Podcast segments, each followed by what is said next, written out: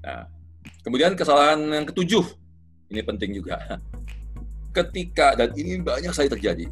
Banyak nih eh, teman-teman udah ikutan kelas saya, baca buku saya, baca ikutan seminar, ikutan kelas Zoom dan sebagainya, terus ngerasa, waduh saya salah nih punya unit link gitu ya, salah beli gitu kan.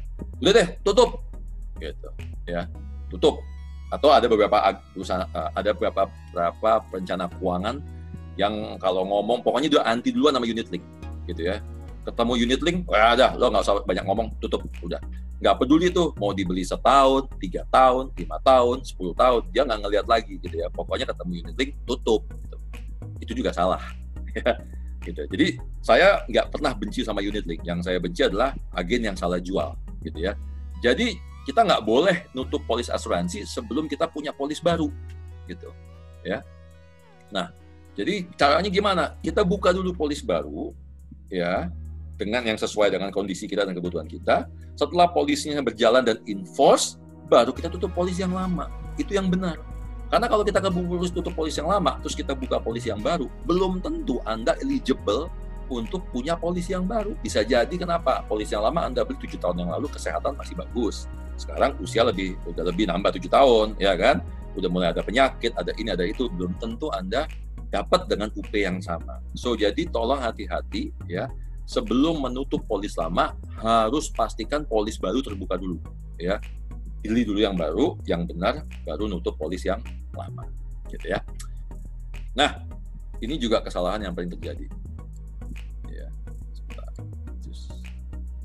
Saya bisa minta itu, maaf. Nah, saya mesti minta kalau di monitor saya ini Soalnya gambarnya ketumpuk-tumpuk, jadi saya mesti mindahin dulu. Oke. Kesalahan nomor 8, paling sering terjadi. Siapa ahli waris dalam polis? ya. Kenapa ini sering terjadi kesalahan? Karena agen asuransi banyak yang tidak dibekali dengan ilmu waris. Padahal kita ngomongin meninggal dunia. Sementara meninggal dunia itu asuransi jiwa ya, kerap hubungannya dengan warisan. Ya, bisa juga dengan wasiat gitu ya. Oke, Cara paling gampang ngetesnya. Bapak Ibu di sini punya asuransi kan? Nah, coba nanti cek sampai rumah, buka polisnya atau sekarang kalau lagi di rumah buka polisnya ya. Coba Anda lihat di belakang siapa penerima manfaat kalau Anda meninggal dunia. Ya, siapa penerima manfaat kalau Anda meninggal dunia. Chance-nya teman-teman yang ada di sini dan teman-teman di luar sana, chance-nya ya saya bisa katakan 90% akan menulis anak sebagai penerima waris, betul nggak? Ya. Nah, kenapa seperti itu? Kenapa nempatkan anak atau nempatkan pasangan dan anak biasanya? Ya, uh, pasangan misalnya 50%, anak 50% dibagi. Kalau punya anak dua berarti 25 25 gitu ya. Kalau punya anak tiga berarti dibagi tiga, masing-masing dapat 30% misalnya gitu ya. Ini yang sering terjadi. Tapi lupa, lupanya apa? Bahwa nah ini hubungannya ke hukum waris. Anak kalau dia belum cakap hukum, belum cakap hukum, itu dia tidak bisa mewaris secara langsung. Artinya apa? Artinya kalau uh, anak itu belum cakap hukum, dia harus menerima warisan diwakilkan oleh walinya. Gitu, ya. Nah, pertanyaannya adalah cakap hukum itu usia berapa? Cakap hukum itu adalah usia 21 tahun atau sudah menikah. Ini yang ngomong undang-undang. Ya. Cakap hukum itu adalah 21 tahun atau sudah menikah. Jadi kalau Anda punya asuransi jiwa dan taruh anak di belakang sebagai penerima benefit dan anak itu usia di bawah 21, guess what? Dia tidak bisa mewaris langsung. Ya. So, harus ada walinya. Pertanyaan berikutnya adalah Anda sudah pernah nunjuk belum walinya siapa? Kita semua nunjukin pasangan. Oke, saya punya istri, istri saya punya suami, suami sebagai walinya. Pertanyaan berikutnya adalah, apakah Anda sering traveling bersama pasangan?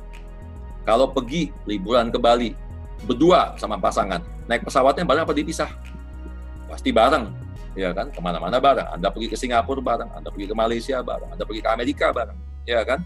Kebiasaan orang Indonesia traveling jalan rame-rame bareng-bareng, ya. Apa yang terjadi kalau kemudian pesawatnya jatuh? Kecelakaan dan sebagainya dan sebagainya sebagainya. Ya, artinya apa? Pasangan kita belum tentu bisa menjadi walinya selamanya. Bisa jadi dia lebih dulu mendalui kita. Gitu, ya. So artinya kita harus pikirkan lagi siapa yang nanti akan ditunjuk sebagai wali dari anak kita. Karena kenapa? Kalau kita tidak pernah menunjuk wali untuk ngurusin uh, waris terhadap aset kita termasuk asuransi kita, maka nanti undang-undang dan hukum waris Indonesia lah yang akan nunjuk. Nah, pertanyaannya lah, apakah Anda sudah merasa nyaman dengan hukum waris di Indonesia?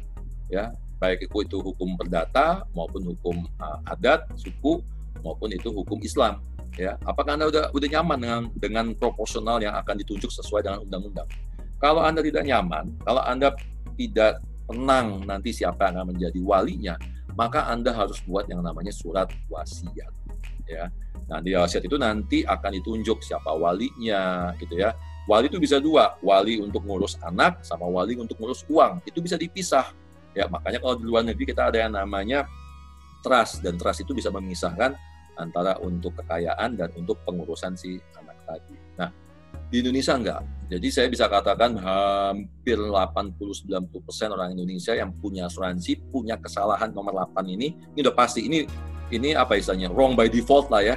Kesalahan yang udah pasti ada di hampir semua orang yang punya polis asuransi, yaitu nunjuk anak sebagai ahli waris. Sementara kita tahu hukum waris Indonesia mengatakan anak yang belum cakap hukum, belum usia 21 atau belum menikah tidak bisa mewaris secara langsung. Harus ada wali yang ditunjuk dan tidak pernah ada wali yang ditunjuk dalam uh, polis atau tidak pernah ada wasiat ya. Uh, itu kira-kira materi dari saya. Um,